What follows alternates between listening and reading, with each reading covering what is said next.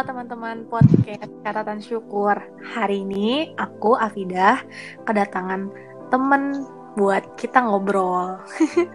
Asik teman. kita cuma sebatas teman ya. Ya langsung aja kepada Aziza Safitri dari podcast Pojok Cerita. Boleh dong kenalin dirinya dulu. Ya udah, nama gue Aziza. Sekarang aktif sebagai mahasiswa kerjain tugas. Terus uh, nyari kesibukan. Udah. Okay. ya nggak lebih sibuk lah dari Afida. Yang ininya tuh banyak. Penelitian conference nulis karya tulis. Baik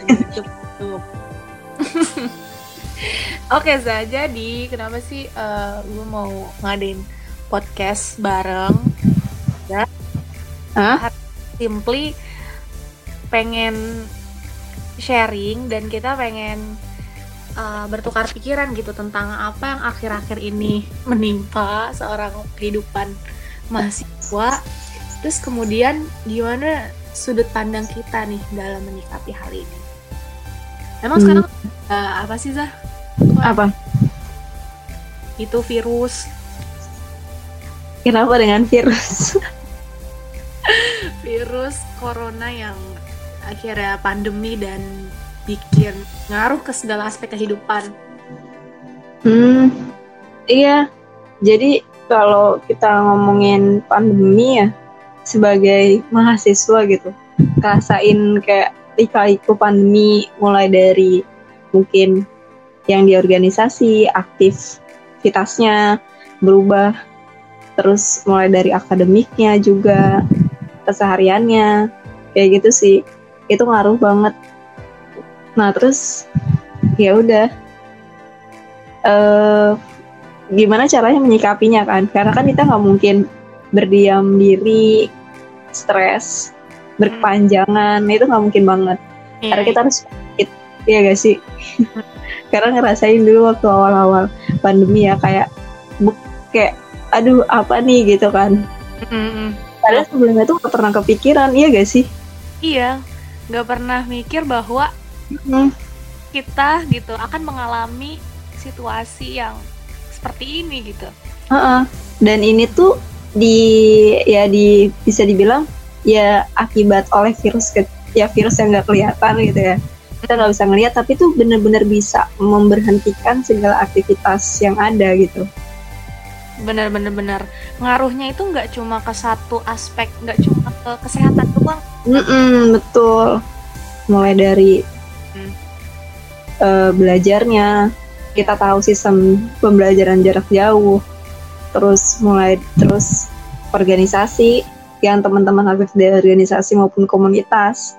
Hmm. harus berpikir kreatif gimana caranya bisa apa lagi bisa semangat lagi untuk ngadepin ini semua. Karena ini tuh nggak gampang guys. Ini tuh kalau dibilang sedih ya semua sedih gitu. Satu Indonesia sedih. Jadi kalau misalnya ngerasa kayak sedih sendiri tuh kayak nggak mungkin deh. Misalnya kayak ngerasa berat sendiri tuh nggak mungkin.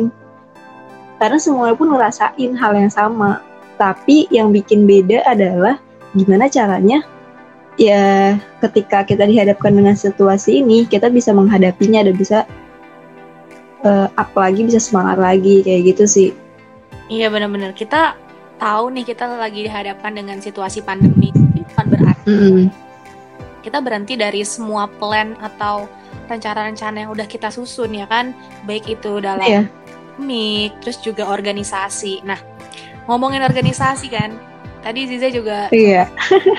sedih gitu. Ngomongin organisasi kan? Bikin pusing. Ngadain apa acara-acara tuh akhirnya ya daring ya online. Nah mm -hmm. Zah ceritanya. Kan Aziza uh, kita kenalin ya guys. Aziza ini kepala departemen PSDM-nya WNJ 2020 yang mana belum lama ini mengadakan agenda pelatihan kepemimpinan fakultas baik online secara daring. Nah itu gimana sih Zah uh, pengalamannya dan gimana sebagai anak organisasi mengemas acara sedemikian rupa itu pelatihan kepemimpinan dengan cara online kayak gini. Oh ya, sebenarnya mau ngelain juga nih. Ini yang lagi ngomong Afida juga kepala departemen edukasi. kayak gitu oke oke tadi kita belum kenalin dengan iya dengan maksudnya dengan uh, sibuk pin mahasiswa berprestasi nasional seleksi tapi masih juga aktif di organisasi nanti kita abis ini sharing-sharing ya harus sekarang jadi aku mau tahu dari sudut pandang Aziza dulu tadi boleh boleh. Tadi iya. Soalnya gini sih, dulu tuh waktu awal-awal uh, di 2020 ya, awal-awal kepengurusan di bulan Maret, kita kan sama-sama udah nyusun kan segalanya pokoknya seperti ini. Dan kita tuh nggak bikin plan, akhirnya tuh off online gitu. Nah, tiba-tiba ya pandemi datang dan kita nggak bisa menyalahkan keadaan, nggak bisa terus-terusan. Oke okay, kayaknya ini ini gara-gara corona nih gara-gara ini nih gara-gara corona gue nggak bisa ngejalanin. Misalnya ya proker atau non proker di organisasi gue nggak bisa terus-terusan kayak gitu. Akhirnya gue berpikir gue kayak oh oke okay, kita mindset kita diubah.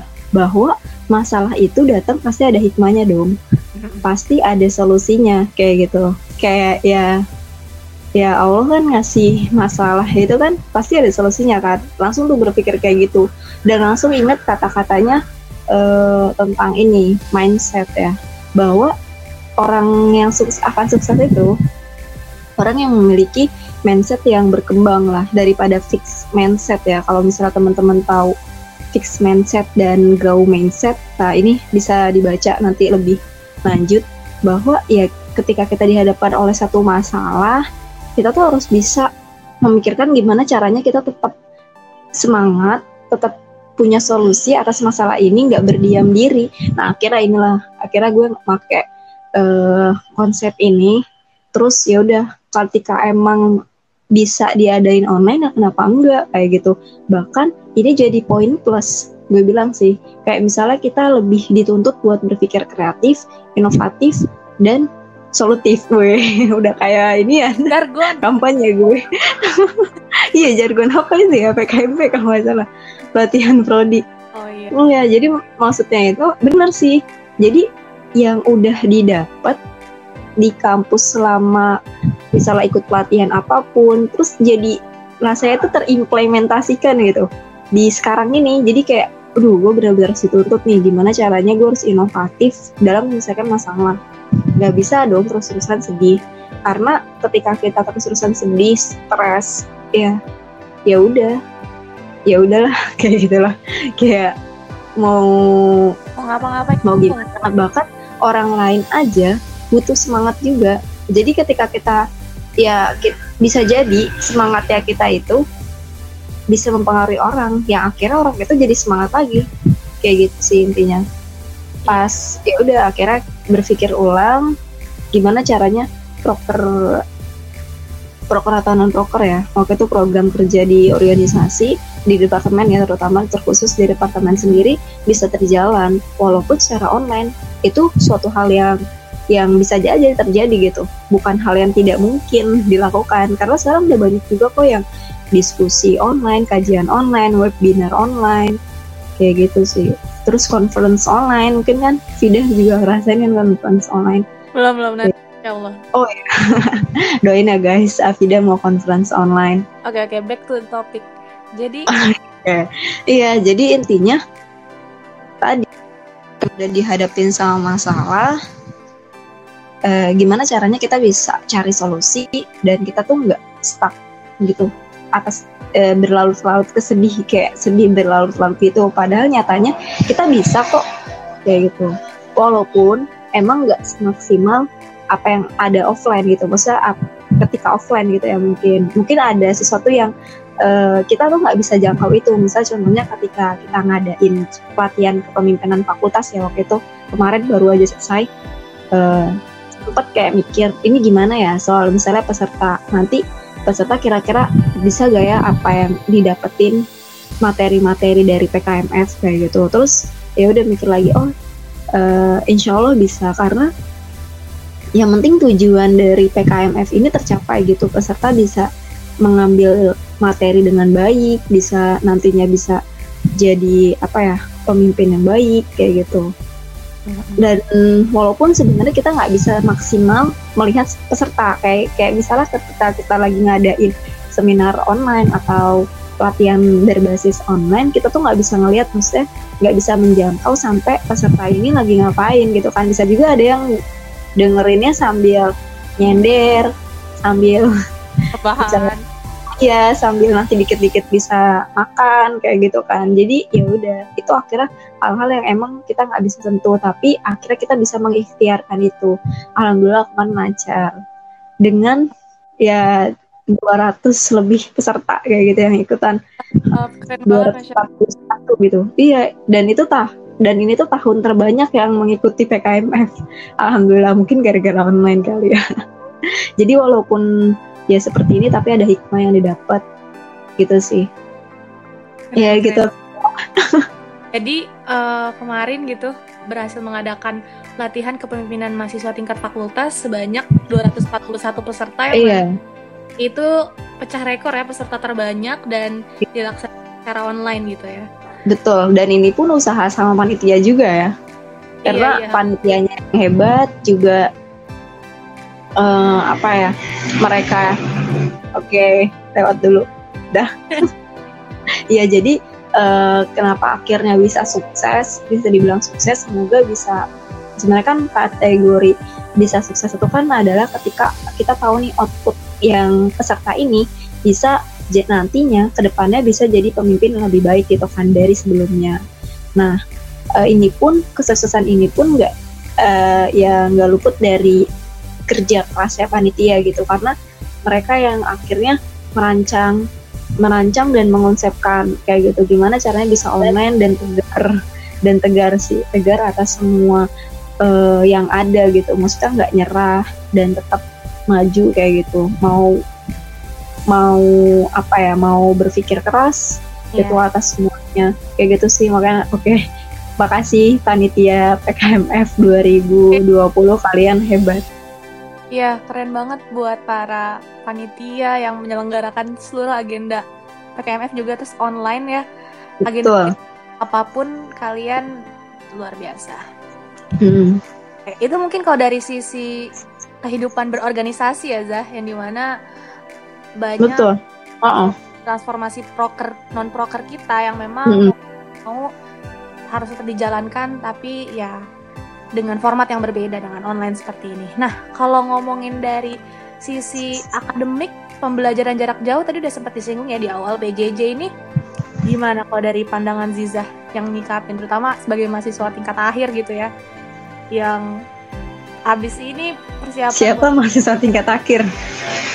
Lagi. buat- banyak kamera iya ini tuh belakang belakang rumah itu jalanan. Gitu. Gimana ulang aja Fit? Nanti itu di skip aja. Iya iya. Nggak usah lah. Baiklah.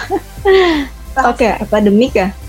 Akademik gimana akademik aduh kalau ngomongin akademik sebenarnya banyak eh, hal yang emang dirasain gitu ya PJJ bahkan ada kepanjangan gitu kan pembelajaran jarak jauh atau apa tuh Penugasan. namanya?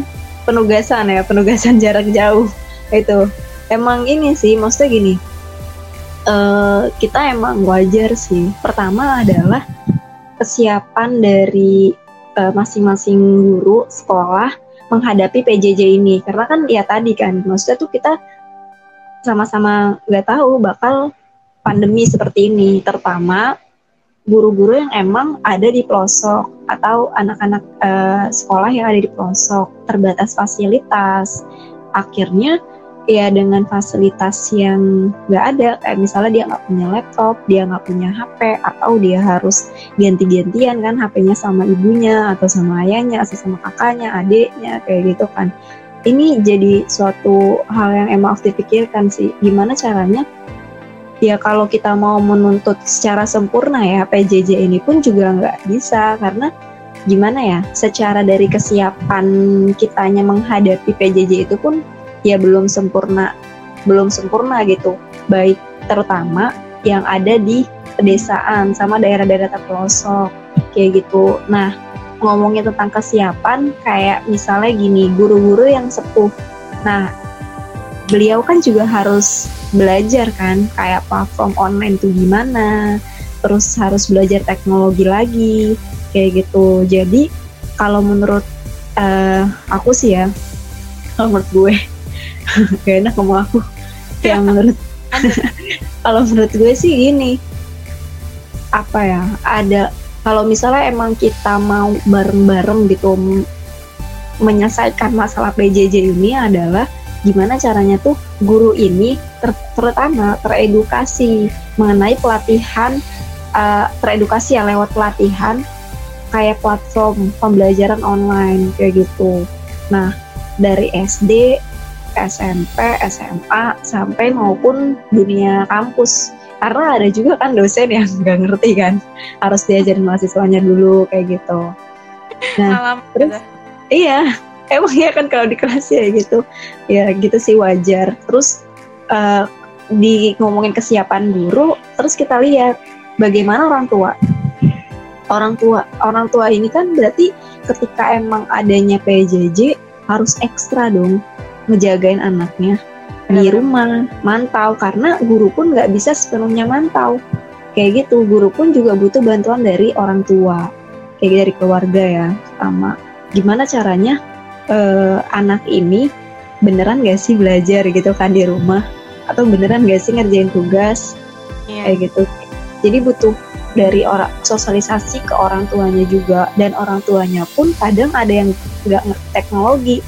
Jadi gimana nih cara misalnya waktu itu ini di ini ya apa sih namanya? Uh, ya kakak ipar lah ya kan? Kakak ipar terus ya adanya nggak ngerti buat uh, ngegunain platform online kayak gitu. Dan uh, neneknya pun juga nggak ngerti kayak gitu sih karena di rumah kita neneknya doang kan. Jadi bingung harus manggil lagi harus kontak orang yang ngerti kayak gitu harus ada itu sih. Terus kalaupun emang mau terus dari sisi mana lagi? Dari sisi siswanya. Ya. gitu. siswa. Mahasiswa juga ya. Kadang kita harus mengerti dengan kondisi seperti ini. Dan ini sih ya kalau misalnya emang mau sama-sama uh, menyelesaikan ini atau mengambil solusi dari semua ini tadi sih mulai dari kita mendukung misalnya dari mulai apa sih namanya membantu ya kecil-kecilan. Kayak misalnya kalau punya adik ya diajarin kalau emang nggak ngerti platform online. Terus kalau misalnya dosen kita nggak ngerti ya kita kasih tahu. Kayak gitu. Tanpa harusnya ya kadang kalau penugasan banyak satu sisi guru pun bingung sebenarnya. Kayak dia mau ngejelasin ya karena misalnya SD deh.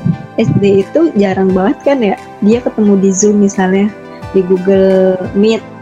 Kebanyakan tugas ya kayak ngeliat tadi itu kebanyakan tugas. Ya karena tadi keterbatasan itu fasilitas nggak semuanya itu ad, ada juga yang nggak punya laptop ada juga yang nggak ngerti itu gimana ya.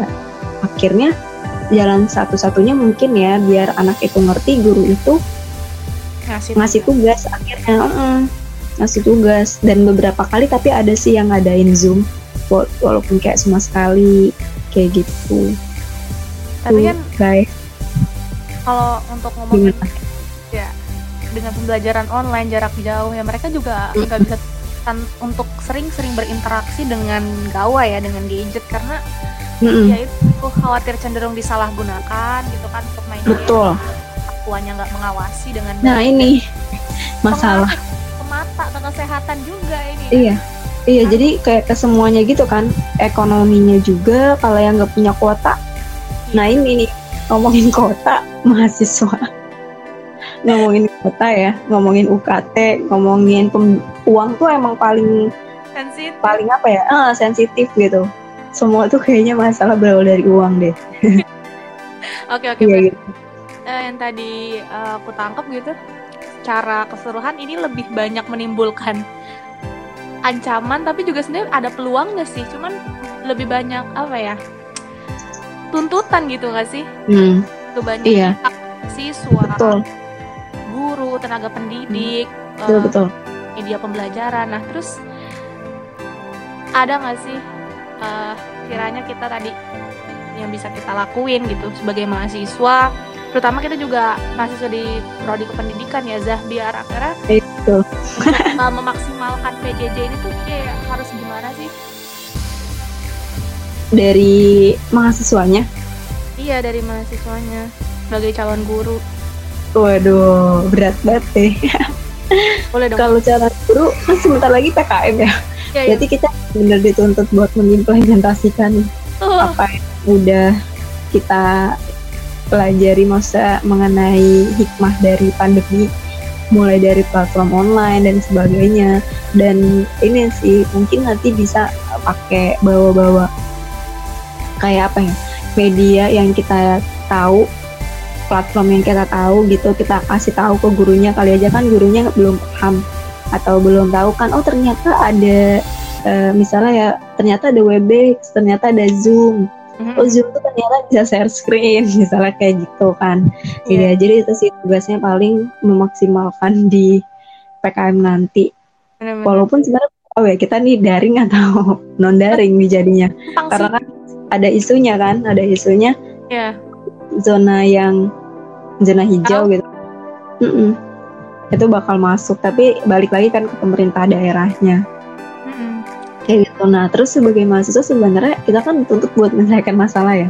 Iya. Ya, uh, ya sekarang udah banyak sih gerakan mahasiswa kayak misalnya sering ngadain pelatihan online biar di rumah aja hmm. betah. Mm walaupun sebenarnya udah biar nggak stres. Mm motor lewat lagi. Biar Santai. biar stres gitu ngadain pelatihan online terus ada juga yang ngadain project sebagainya. Ada juga ini kayak kita nih podcast. Yo ini salah satu PR kita. Iya. Ada yang tiktokan tiktokan mengedukasi kan. Ya banyak sih sebenarnya. Hmm ntar dulu ya. Dah. Ya banyak sih sebenarnya cara yang bisa diambil gitu tapi sebenarnya gini walaupun kita nggak bisa ngerjain hal-hal yang emang berdampak besar sebenarnya ketika emang ada sesuatu tentang informasi tentang PJJ kita tuh ngerespon. Terus tentang uh, pembelajaran kayak gini ya sebaiknya ya tadi sih ya jangan mengeluh. Walaupun sebenarnya di awal-awal banyak mengeluh ya. Benar belum tersadarkan belum tersadarkan. Iya. Terus pas udah ada hidayah misalnya ya udah misalnya jangan kurangin mengeluh karena mengeluh ini ternyata ber, uh, apa ya nular gitu ke orang lain. Ketika orang lain itu mengeluh terus kita ikutan mengeluh. Terus kayak menyalahkan keadaan lalu atau menyalahkan pendidik kayak gitu. Padahal kita kan nggak tahu ya guru itu udah berusaha payah gitu memikirkan gimana caranya ini ber, pendidikan ini tetap berjalan. Ya. biar anak bangsa itu tercerdaskan. Benar-benar. Bahkan pas iya gitu ya pas kemarin kita jadi jangan pernah menyalahkan pihak mana pun sih. Baik itu dari pendidik ya dari kementerian. Walaupun emang misalnya kayak kemarin kan mahasiswa ngadain aksi media. Nah itu bagus tuh. Jadi tuh maksudnya kan kita saling menasihati hmm. saling ngasih saran kan. Akhirnya keluar kan buat pengu apa namanya uh, kan UKT uh, uh, buat apa namanya itu ya biasa UKT ya? Iya yang kartu oh, kartu ya, ya kan bantuan bantuan UKT emang harus kayak gitu dari kitanya sih. Maksudnya ketika emang mahasiswa punya power ya udah kita gunain power kita ini buat apa? Buat saling ngasih saran ke pemerintah. Karena pemerintah itu yang ngasih saran ya kita mahasiswa. Betul. Kayak gitu sih. Benar-benar keluar bantuan UKT namanya setelah berkali-kali dari BEM UNJ yang kemarin yang mengakomodir tuh BEM-BEM fakultas menggerakkan iya. mahasiswa. yeah. Buat akhirnya uh -uh. media nggak lama setelahnya muncul edaran untuk keringanan UKT gitu kan perintah dari Mendikbudnya langsung buat univ-univ yang ada di Indonesia terus juga yang beasiswa. Ya alhamdulillah ya setidaknya ada ya respon cepat tanggap. Betul betul. Iya walaupun emang harus ada audiensi dulu ya. Maksudnya ada audiensi sempet audiensi sekali terus nggak di belum ini nggak di gubris ya udah kira kita aksi baru di audiensi lagi. Walaupun sebenarnya walaupun sebenarnya waktu itu Pak Nadiemnya nggak ada ya. Iya diganti sama PLT sibuk-sibuk kayaknya. Sibuk banget beliau agendanya. Iya, oke. Nazan kita. udah udah bahas banyak nih dari akademik ya. Yang pertama tadi dari sisi organisasi akademik ada satu bahasan yang penting juga nih terkait bagaimana sikap kita menghadapi pandemi ini dan ya apa kira-kira Zah dari sisi Apa tuh? dari sisi prestasi dong Oh iya, ini sebenarnya giliran kamu, Fit. giliran lu, Fit. ya nggak apa kita Gimana, Fit? diskusi Ceritain lu dong. Sharing lu dong awalnya. Gimana caranya kita tetap berprestasi di tengah pandemi? Karena sebenarnya kayak oh itu ada yang pernah bilang Mhm. "Eh, kenapa nggak mau ikut lomba lagi gitu kan? Mm-mm. Ya karena kondisinya kayak gini mungkin kurang semangat kali ya. Sebenarnya jujur sih kayak gue sendiri pun kayak ngerasain untuk yang ikut lomba-lomba lagi ya masih belum ada semangatnya lagi gitu. Ya. Entah karena lebih asik buat ikut pelatihan dan sebagainya atau gimana. Tapi coba dong gimana tips nih buat kita gitu. Iya, jadi sebenarnya udah lumayan cukup banyak eh, acara-acara yang sekarang ngebahas gimana tips berprestasi di masa pandemi, gimana tips produktif berkarya di masa pandemi. Aku pun juga sedang ikhtiar, sedang mencoba gitu kan. Cuman memang em, ada sih beberapa hal yang setidaknya harus kita upayakan, yang setidaknya harus kita biasakan dan kita jalanin. yang pertama bener tadi yang udah dibilang Azizah tentang growth atau fixed mindset kita harus jadi orang yang growth mindset dulu nih. Mindset kita berkembang dan nggak stuck ketika dihadapkan dengan situ- situasi yang sulit. Ya udah kita harus uh, go ahead gitu tetap jalan. Nah melihat situasi yang sekarang aku juga udah meninjau meninjau apa ya? Ya pokoknya ada udah lumayan banyak info-info lomba baik itu dari pemerintah melalui Kemendikbud ya kan? Terus juga dari Ristek Dikti yang istilahnya gini loh kita tetap difasilitasi loh untuk ayo nih siapa yang mau lomba? Ayo yang siapa yang mau berkarya. Cuman mungkin balik lagi ke diri masing-masing yang lo gimana caranya lomba online tuh gimana? Yang masih ngeraba-raba gitu Zah. Iya. belum tahu sistemnya gimana? Takut nyoba ya kan? Padahal kalau kita udah Iya itu. berpikiran growth mindset oh ya sesulit apa pun ya pasti sebenarnya ada caranya. Ada Mm. solusinya ada langkah-langkah ada tips and triknya buat bisa produktif.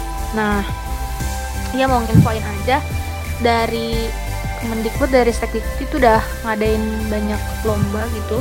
Kemarin terhitung dari awal-awal banget pas pandemi itu eh, dia juga denger dari IPB juga ngadain ya Student Home Challenge kalau nggak salah.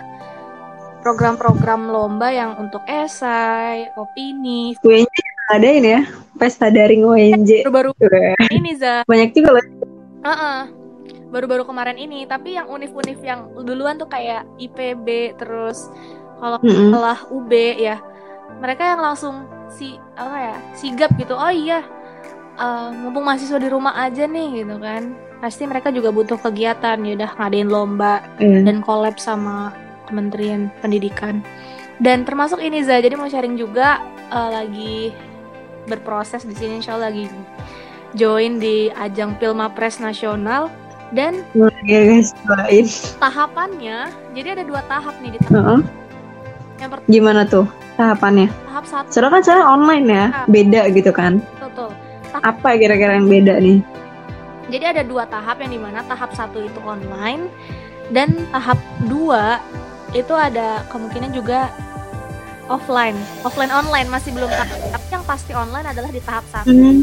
yang mana di ajang Pilmapres nasional ini di tahap satu para peserta itu diharuskan untuk mengikuti tes ujian bahasa Inggris dan tes wawasan kebangsaan nanti insya Allah tanggal 2 Juli. Nah itu berarti secara daring dan secara Iya. touringnya atau secara offline-nya ketika nanti sudah dinyatakan lolos tahap satu kita diwajibkan untuk mengirim naskah gagasan kreatif atau ide KTI kita di tahap 2 gitu dan nanti kalau eh, lolos lagi di tahap 2 barulah terpilih sekian finalis yang akan uh, bertanding itu ya istilahnya di ajang film nasional secara offline. Ini masih hmm. plan uh, jadwal yang di share itu secara offline-nya awalnya bulan Agustus. Akhirnya iya. diatur yeah. jadi September ya karena masih begini kondisinya dan bahkan kalau yeah. ada kemungkinan terburuknya ya mau nggak mau online juga daripada akhirnya terus diundur-undur-undur sampai deh. Iya. Gitu. Terus kapan lulus ya gitu kan? Semoga dimudahkan ya Allah. Amin. Jadi benar-benar yang yeah. pemerintah lagi mengatur sedemikian rupa supaya mahasiswa ini tetap bisa loh ngikutin agenda walaupun tadi diikhtiarkan online dulu terus nanti mm. mau tetap diusahain offline untuk di tahap berikutnya. Yeah. Mau apa pun itu semua kan tergantung kehendak Allah, tergantung keputusan gugus tugas covid ya kan iya uh, itu yang selalu ngirim notifikasi di HP iya benar-benar yang sangat baik gugus tugas nih yang isu kemarin aja tahun ajaran baru dimulainya Januari lah bulan Juli. Semua akhirnya Pak Nadim bilang ya semua tergantung keputusan dari gugus tugas. Kalau gugus tugasnya bilang sudah oke okay, ya pemerintah tinggal eksekusi. Tapi kalau belum hmm. tahan belum ada himbauan ya sudah mau gimana? Akhirnya masih secara daring terus menerus kayak gini. Bahkan termasuk di PKKMB aja. Ospek. Iya. Iya jadi nah kampus pengenalan kampusnya akhirnya jadi online nah itu sih kalau dari sudut pandang prestasi, prestasi. jadi sebenarnya kadang tuh orang gini fit uh, kayak mau berprestasi tapi itu takut gitu. Jadi itu sebenarnya membatasi orang buat ngelangkah itu pikirannya sendiri ya. Betul, betul. Dari rasa takut itu. Iya gak sih kayak udah takut gagal, takut apalagi ya malu nggak pede, takut pokoknya takut susah, takut sebagainya, takut takut takut. Nah ini dari pikirannya sendiri gak sih kadang yang ngebunuh rasa percaya diri kita. Betul betul betul. Atau dari orang lain kan? bahasa gaul yang sekarang insecure za nah ini mungkin next ya kita bahas ini. Boleh boleh boleh. Kita karena itu bahasan yang kayak sekarang tuh lagi booming gitu. Maksudnya kenapa sih? Bisa orang tuh lagi ngerasain insecure apa? Insecure terus ngerasain quarter life crisis. Padahal kayak dulu tuh kayak nggak ada deh. Apa gitu penyebab penyebab sekarang tuh apa? Muncul sekarang ini kan lagi hit gitu. Mm-mm. jadi kayak mm. aduh nggak pede nih insecure gitu kan. Iya. Pikiran gara-gara pikiran-pikiran itu yang akhirnya membuat diri kita mungkin nggak berkembang atau ya udah stuck di sini aja. Karena kita tadi ya nggak apa ya ya gara-gara pikiran sendiri sebenarnya ya melawan pikiran sendiri itu kadang emang susah. Susah susah. Terkungkung dalam pikiran sendiri. Padahal kenyataannya nggak sebegitunya kok gitu. Mm-hmm. Nah ini fit kadang tuh orang nggak mau maksudnya gini nggak berani berprestasi tuh selain ini ya selain tadi pikiran-pikirannya itu kayak mikir kayak berprestasi apa harus yang di bidang misalnya ya KTI atau debat. Nah padahal sebenarnya gimana tuh fit? Prestasi kan luas ya maksudnya arti. Mungkin ini kali ya yang harus dipahamin ke orang-orang kali ya misalnya ke teman-teman ya termasuk aku gitu. Benar-benar. Jadi gini sih teman-teman uh, Frida baru dapat makna sejati prestasi itu sebenarnya baru-baru ini ya. makna sejati. Iya baru dapat makna hakiki prestasi itu pas ikut ajang Mapres Unif gitu kan. Di mana mm. ada wawancara sama seorang psikolog ya kan? Kayak psikolog itu pengen melihat sejauh mana mungkin uh, ambisiusnya kita atau kesungguh dalam meraih gelar mawapres ya. Waktu itu benar-benar uh, pikirannya terbuka bahwa akhirnya prestasi itu bukan semata-mata uh, pencapaian atau gimana ya quotesnya. Waktu itu aku bilang gini mahasiswa berprestasi atau prestasi-prestasi itu bukanlah tentang seberapa banyak perolehan yang tertoreh dalam CV gitu. Jadi hmm. bukan sesuatu yang uh, bersifat kompetitif makna dari hakiki prestasi tapi bagaimana prestasi yang kita raih itu bisa menebar nilai dan manfaat untuk menginspirasi. Gitu Zah Masya iya mantep ya. Iya. Keren. Jadi gini. Jadi maknanya tuh sebenarnya luas ya. Karena kan kita mikirnya prestasi kan ya udah kan. Wah, di situ aja. Makanya kadang orang tuh takut buat melangkah mungkin salah satunya dari itu. Simple thingnya adalah uh, kita coba do something yang memang kita ada ketertarikan di bidang itu atau passion. Misalnya ketertarikan kita sebagai anak ekonomi misalnya. Sebagai anak ekonomi ada ketertarikan di bidang olahraga. Oh ya why not gitu untuk coba terjun ke bidang mm -hmm. ke bidang seni. Karena tadi selain terkungkung dengan pikiran sendiri terkungkung dengan makna prestasi itu harus yang serba menang serba pencapaian dan terkungkung sama uh, jurusan kali ya atau bidang yang kita gelutin sekarang gitu misalnya kan anak ekonomi eh tapi gue tuh sebenarnya nggak jago ekonomi loh malah lebih per ke bidang-bidang ya yang berseberangan gitulah atau nggak hmm. entah seni entah olahraga dan jadinya mereka belum bisa maksimal untuk mengeksplor potensi dan bakat mereka di bidang itu padahal ya udah gas aja gitu gas kan. Cuma kalau iya. dia memang anak ekonomi ya, yang iya, bahkan sekarang prestasi unik ya. Pencapaian itu udah unik ya. Prestasi yang sekarang tuh kayak lomba podcast virtual ya. photoshoot photoshoot photoshoot. Photoshoot. Ini orang motor ya bener-bener dah. Iya virtual photoshoot misalnya. Kan orang sekarang jadinya tuh terus ngapain lagi ya? Dance. Udah banyak. TikTok. Itu juga prestasi loh. Karena susah iya. ngeditnya. Gitu. Cuma kalau misalnya dipakai buat ngedukasi. Misalkan udah banyak ya sekarang ya TikTok buat edukasi ya. Tentang sejarah apa pun karena gini loh prestasi ini masih dijustifikasi oleh sebagian orang ya. Hal-hal yang berbau ilmiah hal-hal hmm, yang iya. tetap kayak gitu. Padahal kalau kita lisik lebih jauh lagi gitu kan kita amati lagi nggak muplek di situ aja gitu kan. Banyak bidang yang bisa kita gali. Masuk kayak ngehitsnya podcast sekarang akhirnya mulai banyak bermunculan mm -hmm. lomba podcast betul betul betul. aja tadi benar kata Ziza virtual photoshoot. Oh dijadiin lomba Nah ini yang bisa kita ambil peluang ya kan untuk kalau kita lebih jeli ya kita bisa memaksimalkan itu bisa memanfaatkan istilahnya kegabutan kali ya atau waktu luang kita buat mencapai prestasi-prestasi yang di bidang itu. Betul. Gitu iya, mungkin terakhir kali ya Vita. Ya. Ini Ayo. karena bateraiku juga tinggal tiga persen. okay. Lupa nge-charger. Ya, jadi gimana nih? uh, kira-kira lika-liku mahasiswa tuh kita harus gimana nih? Kita harus maksudnya ya pesan-pesan pesan-pesan terakhir bukan pesan-pesan terakhir sih. Konklusi Terus, atau kesimpulan iya betul.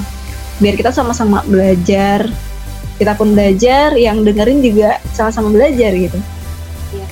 Yang pertama mungkin bisa disimpulkan ya udah kita terima dulu dengan keadaan ini kita syukuri ya bahwa masih dikasih kehidupan dan rasakan nikmat untuk bertahan di pandemi ini adalah sebuah ya anugerah gitu ya harus kita terima walaupun dengan banyak tantangan kedua kita harus jadi orang yang growth mindset untuk berpikiran hmm. nggak stuck di situ aja terus mungkin kalau dari Aziza gimana? Iya kalau dari aku pokoknya jangan pernah sedih yang berpanjangan karena itu nggak bagus buat segala aspek psikis. Terlalu ada motor lewat. Oke. Okay. jangan sampai gara-gara corona malah yang... gue kayak lagi podcast di jalanan gitu di tengah jalanan. Padahal enggak dalam jadi rumah. Iya. ya penting tuh jangan pernah sedih berkepanjangan gitu. Karena kita tuh dihadapkan masalah pasti ada solusinya gitu. Dan kita harus mengambil solusi itu. Pokoknya hadapi jangan nyerah gitu aja. Karena masih banyak peluang-peluang jalur-jalur yang lain yang bisa kita lewatin kayak gitu. Dan pikiran lawan pikiran kita. Pokoknya apa pun pikiran kita yang negatif pikiran kita yang memojokkan diri kita yang bikin kita down dan sebagainya ilangin. Kayak gitu. Karena ini parah banget pikiran. Kayak gitu sih. Sama terus semangat. Growth mindset itu. Oke alhamdulillah ya. Udah yeah. selesai nah nih. terakhir Fit. Kita mau ngadain giveaway atau gimana nih? Jadi gak nih? di podcast setelahnya ini ya. Oh gitu. Kita obrolin ya pokoknya ditunggu aja kita bakal ngadain giveaway. Uh, pokoknya spesial ya spesial buat teman-teman gitu biar tetap semangat di tengah-tengah pandemi walau dan new normal. Betul betul betul. Ya jadi eh. ya semoga bermanfaat lah ya podcast kita hari ini obrolan-obrolan kita hari ini. Next ya. kalau misalnya teman-teman ngerasa ini bermanfaat bisa di share di dan makasih gitu udah dengerin sampai habis. Karena uh, apa ya semangat teman-teman itu juga semangat kita ya Fit kalau misalnya banyak yang suka kita bakal bikin next obrolan lagi gitu iya gak Fit kita berharap ada yang termotivasi dan tergerak juga buat akhirnya iya karena sebenarnya kita ngomong kayak gitu tuh kita lagi ya lagi nasihat, ah, menasihati dan menyemangati diri kita sendiri kayak gitu. Oke. Okay. Ya, dan terakhir karena podcast aku namanya catatan syukur aku mau ngajak teman-teman dengar podcastku. Jangan lupa bersyukur karena bersyukur akan menambah makna kebahagiaan. Oke okay, see you in the next podcast. Makasih Azizah udah siap sama-sama. Oke okay. assalamualaikum warahmatullahi wabarakatuh. Waalaikumsalam warahmatullahi wabarakatuh